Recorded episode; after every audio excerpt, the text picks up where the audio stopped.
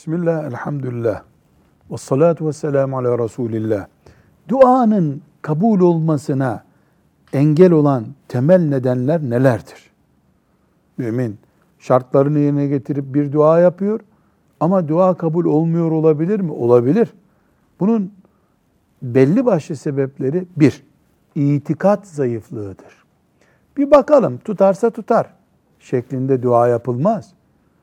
Mümin yüzde yüz Rabbine itimat ederek, onun rahmetine yüzde yüz sığınarak dua eder.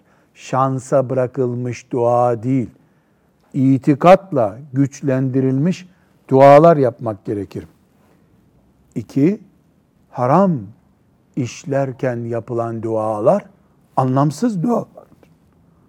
Çok anlamsızdır hem de. Hem haram devam ediyor hem de dua ediyor. Faizinden, yalanından, kumarından, zinasından, hırsızlığından, kul hakkından, anaya babaya isyandan haramlar var. Arınmış, haramlardan arınmış müminlerin duaları daha kabule yakın dualardır. Üç, haram yemiş insanların midesinde o haram varken, kanında o haram dolaşırken de lokması haram olmak demek.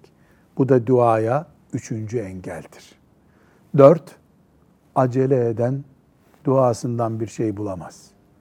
Biz Allahu Teala'yı haşa sıkıştırarak bir işimizi yaptıracak değiliz ya. Dua edeceğiz. Ona sığınacağız. O kabul buyuracak. Demek ki dört şey duanın temel red nedenidir. Bir, itikat zayıflığı.